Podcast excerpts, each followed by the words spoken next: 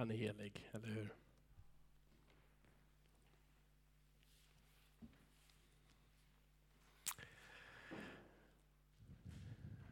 Herre, vi tror på vad Bibeln säger, att du är helig. Att du är ren. Att du är inte en del av skapelsen men har skapat allt. Att du inte är bunden i tid och rum. Vi tror att du är helig Herre och att ditt namn är heligt. Att du är ren Herre.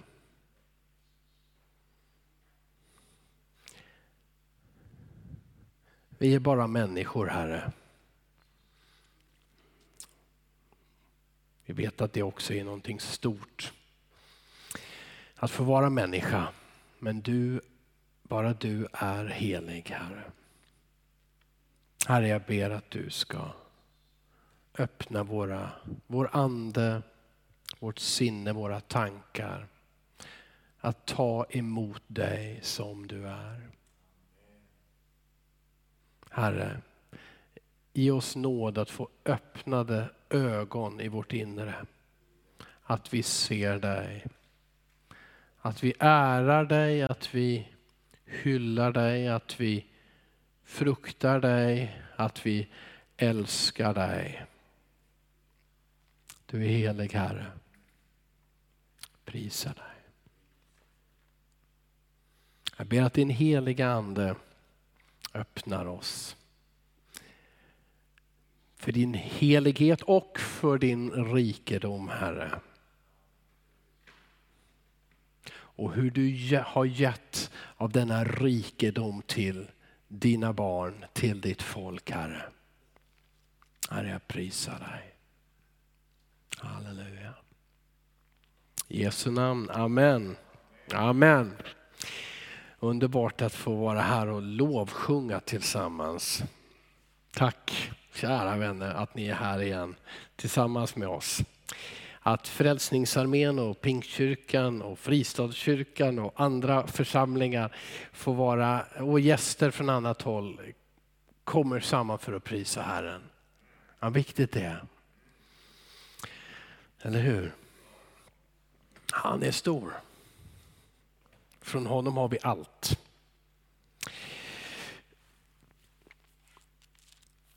Jag ehm, var på en begravning i, mors, ja, i förmiddags. Eh, lika bra att jag säger det för det präglar mycket av mina tankar idag.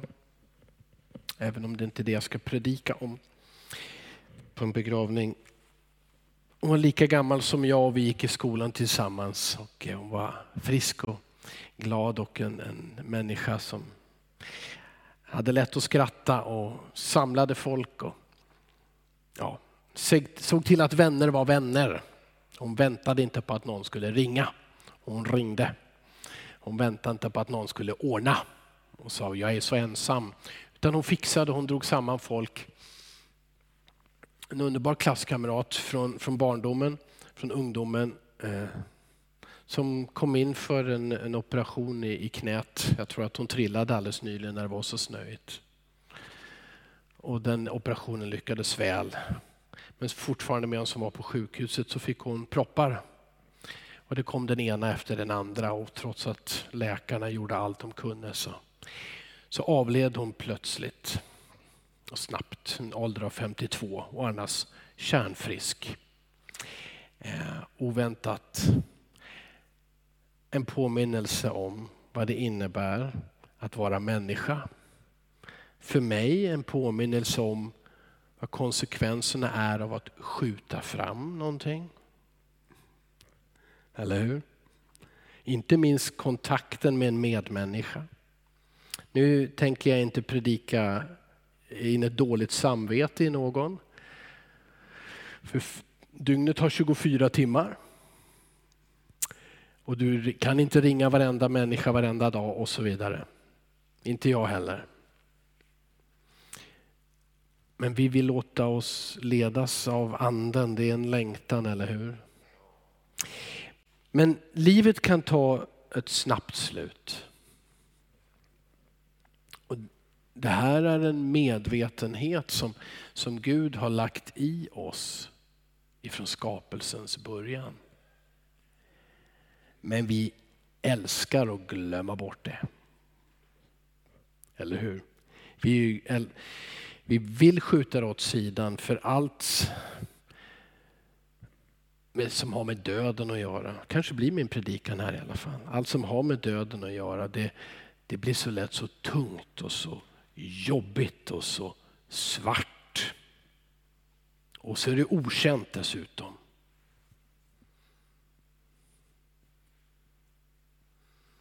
De år som jag levde i Wien, i staden Wien, som inte har med alkohol, vin att göra, utan det heter vin för att det var en romerskt fort som hette Vindobona. Eh, men, men i den staden, där fanns det underhållning utan gräns. Underhållning, underhållning, underhållning. En rik stad, en vacker stad. Ett skönt liv med hög kultur. Det bästa som kan erbjudas inom teater och musik och så mycket och mat och baler och kläder.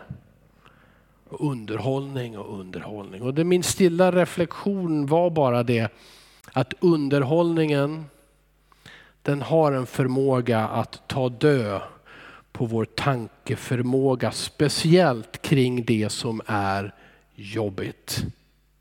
Till exempel att vårt liv är begränsat och att vi har en viss tid. Och att vi, om vi tänker utan mänsklig uppenbarelse, så går vi mot någonting helt okänt. Som vi gärna kan beteckna med färgen svart, för det är okänt.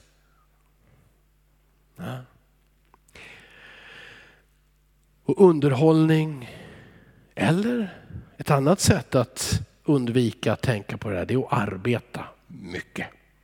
Det är att ständigt arbeta. Arbeta, arbeta, arbeta. Göra någonting på arbetet, ha ett extra arbete och så komma hem och så arbeta och så vara aktiv, aktiv, aktiv, aktiv. Man kan göra så mycket underbara saker i livet. Det är, underhållning, musik, det är gudagivet. Jag tror ni inte det också? Att det, musiken är gudagiven. Eh, det vackra, det som vi tar in med andra sinnen, så mycket gudagivet.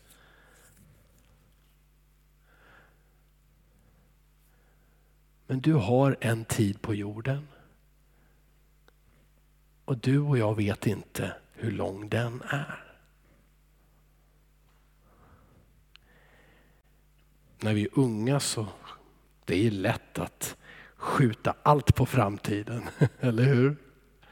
Sen någonstans i livet så börjar man fundera på, nu är, finns det inte riktigt tid, tillräckligt med tid för precis allting. Kan inte skjuta allting framför, behöver börja välja vad, vad jag gör med tiden.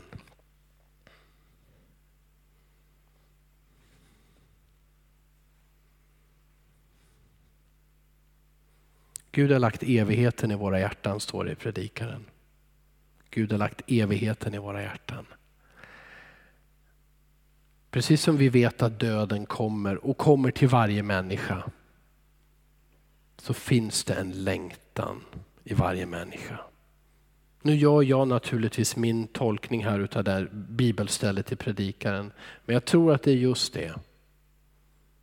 Det finns ett sökande inom oss, en längtan efter någonting mer.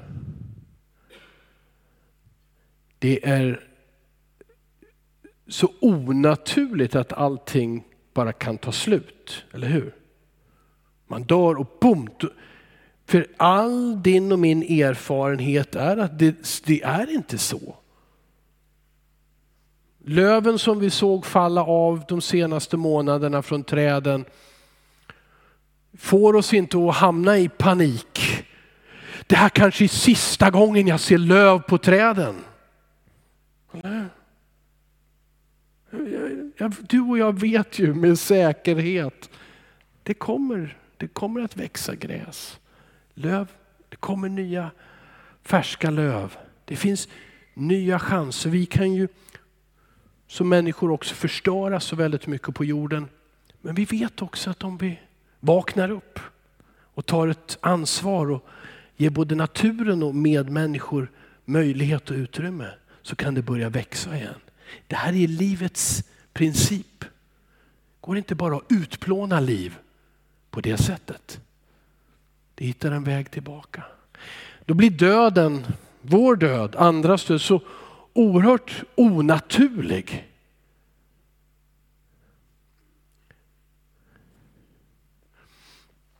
Men eh, Bibeln säger att du och jag är i oss själva inte eviga varelser. Vi kan inte ta oss, vi kan inte, vi kan inte bara förlänga vårt liv. Vi jobbar ju alla på det på olika sätt så att säga. Att det ska få bli så långt som möjligt och så framförallt så smärtfritt som möjligt och så, så roligt som möjligt på jorden. Men, eh, men det, vi vet att det där är också en viss begränsning i de här försöken. Bibeln säger att det är Guds gåva i Jesus Kristus, det eviga livet. En Guds gåva. Enkelt evangelium. Jesus har besegrat döden genom att ta den på sig. Det vill säga, han, Guds son, blev människa som du och jag. Bibeln kallar honom ibland för den andra Adam. Den första Adam känner vi till från de första sidorna i Bibeln, Adam och Eva. De första människorna Gud skapade. Begynnelsen på mänskligheten. Men som redan där tog in det där syndagiftet i vårt system genom sin olydnad, sin stolthet, sin jag vill, vara, jag vill inte vara beroende av Gud utan göra saker på mitt sätt, tolka och leva på mitt sätt. Och så kom synden in i världen och jag tror att bilden med ett, ett gift in i systemet är, är, är, stämmer så bra. Och blir liksom inte av med det över generationer. Och i varje generation, även med fina människor. Och varje gång en människa, ny människa föds så är det en, en fräsch start och alla möjligheter att ge det här barnet ett paradis så ska det väl ändå välja rätt och, och göra rätt. Men både vår mänskliga erfarenhet, om vi är öppna och vakna och Guds ord säger, det blir inte så. Varje människa väljer någonstans fel. Och även om det är ett litet fel så släpper det in det här giftet och det ena leder alltid till det andra. Men Gud visste från början att så här kommer det gå. Och därför, så har jag, därför ska jag göra det en gång till. Jag ska sända en andra Adam. Det här är Paulus uttryck. Vem är den andra Adam? Jo, Jesus Kristus. Gud som ändå begränsar sig till allting detta allvetande, denna allmakt, denna överallt, att vara överallt samtidigt. Han avsäger sig det och blir precis som du och jag. Ingen superhjälte, ingenting utav det här. Ingen superman eller någon annan med speciella förmågor. Utan människa begränsad i tid och rum, precis som du och jag. Lever som Adam, men skiljer sig aldrig åt från Gud är i daglig bön och förbindelse och inte bara i bön de där fem minuterna eller om det var en hel timme som Jesus bad eller vad det var, eller genom hela natten. Men sen lämnade han liksom inte Fadern utan han levde med Fadern och, och vågar säga att det finns ingenting som jag gör, ingenting som jag säger som jag inte har hört och sett från Fadern. Säger aldrig någonsin, det här Jo, livet på jorden, det klarar jag nog själv. Fader, jag behöver inte dig längre. Jag har ju fått krafter och jag kan det. Och kolla hur populär jag blir. Jesus, alltså det var ju tiotusentals människor som följde honom. Och både helade sjuka och började uppväcka de döda. Då, då var det ju verkligen någonting på gång. Men han gör aldrig som Eva och Adam, den andra Adam som heter Jesus Kristus, Guds son. Utan han lever med Fadern. Och det finns bara en sak som kan ske egentligen. Det är att Jesus bara får leva och leva och leva. Och så kunde han ju ha sagt kanske på det här sättet, nu spekulerar jag lite grann. Alla som kommer efter mig nu, gör på samma sätt som jag. Okej, okay, jag börjar en ny rörelse, vi som gör allting rätt. Vi som aldrig bryter med Fadern. Det hade ju också varit liksom visa vägen, eller hur? Och vi kunde bli hans lärjungar. Du och jag som aldrig gör något fel och bara gör det som är rätt i överflöd. Men han vet att giftet i systemet försvinner inte på det sättet. Med goda förutsatser och löften och nyårslöften och omstart och vad det än är. Och därför så följer han faderns plan också i det här. Så den enda som skulle få leva väljer döden. Och det här, nu är det inte du och jag som är matematiken här utan det här är Guds beslut. Det här är Gud. För då säger Gud, det räcker. Hur kan det vara så? Hur kan det vara så? att miljoner av människor, och idag miljarder, åtta miljarder sedan ett par veckor, eh, miljoner och miljoner av människor gör fel, går sin egen väg. Men en enda går rätt väg. Men det räcker för Gud. Vilken nåd. Vilken nåd. Det här, är, det här är mer än absolut majoritet. Jesus, ska vi försöka räkna ut i procenttal hur mycket Jesus står för och hur mycket vi alla andra människor står för. Det här är försvinnande lite. Men Gud säger, det här räcker. Och så kärleken i det här att Gud har en hel skapelse men en son oändligt mycket människor och, och djur och vad vet vi vad som finns i universum där borta. Så oerhört mycket, men bara en enda son. Av kärlek till dig och mig, mänskligheten och skapelsen så säger han, jag ger upp min son. Och han låter honom dö. Och Jesus dör frivilligt.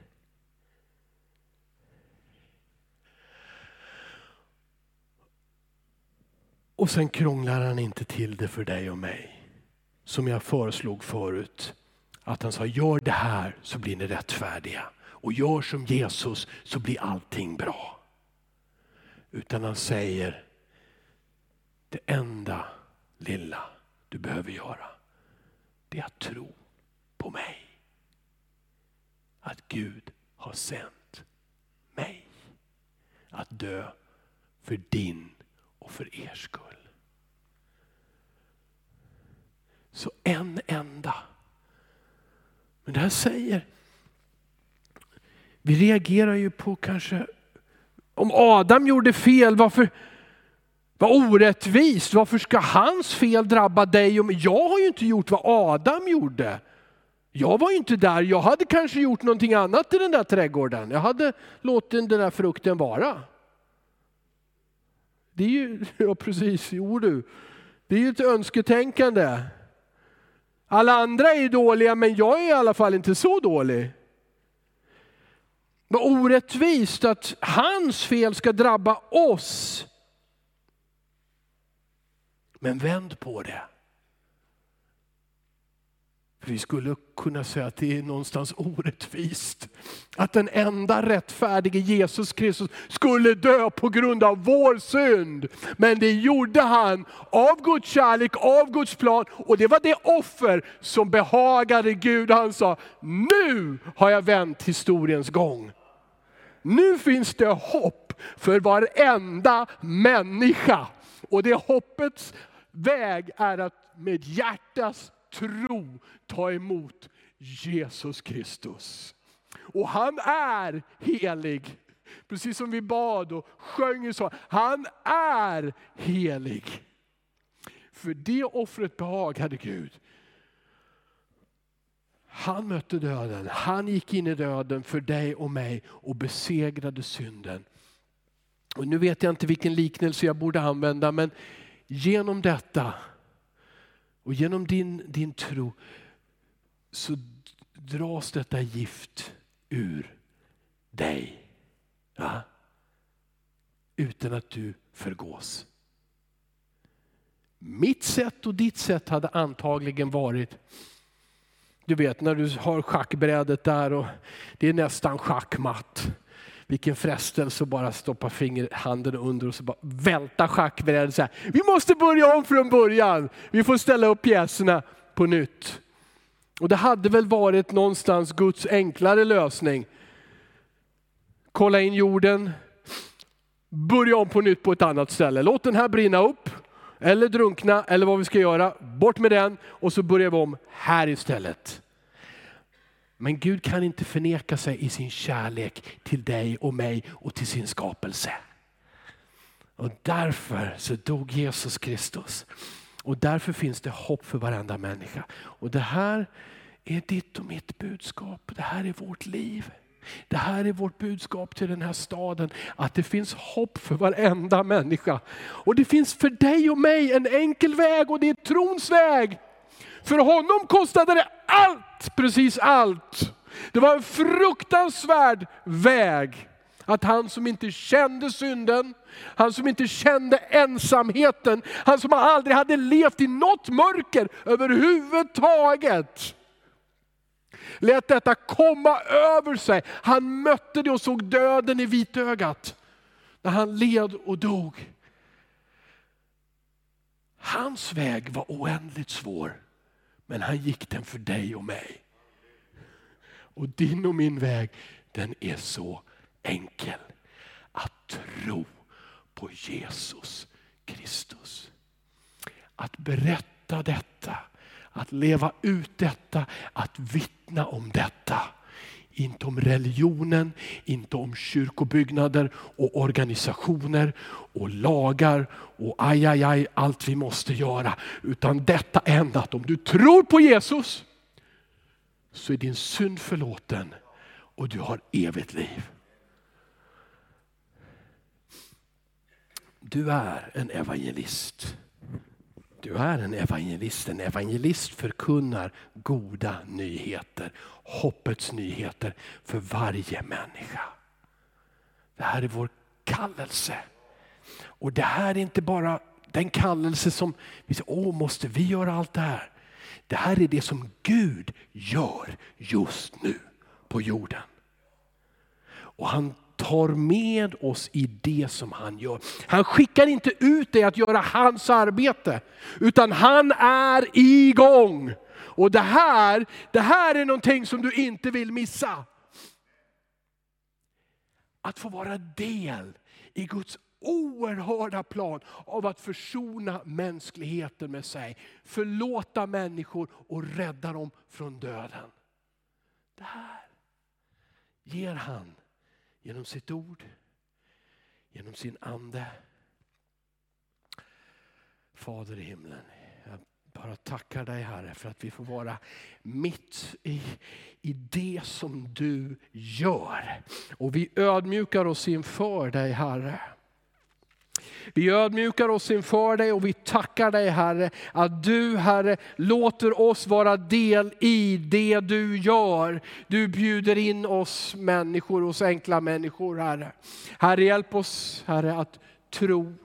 Hjälp oss att säga ja till dig Herre Jesus Kristus. Ja till din vilja, för det är livets väg för var och en Herre. Jag tackar dig Jesus Kristus. Och jag tackar dig Herre för Eskilstuna och för Mälardalen, för Sverige. Ett sekulariserat land, men det är ingen stor sak för dig att låta din ande utgjutas över detta land och ge människor nåd Herre. Och vi ropar till dig Herre om att få vara kristna bröder och systrar människor Herre, som är fyllda av din kärlek Herre, som går på ditt uppdrag tillsammans i Jesu namn Herre, för att förkunna frihet och förlåtelse och en ny start och ett evigt liv för varenda människa Jesus Kristus. Det finns hopp för Eskilstuna, det finns hopp för Mälardalen, det finns hopp för Sverige och för vår värld Herre. Men börja med oss än en gång Herre, möt oss ikväll Herre, fyll våra hjärtan, våran mun med lovsång till dig Herre. I Jesu namn, Amen. Amen, amen.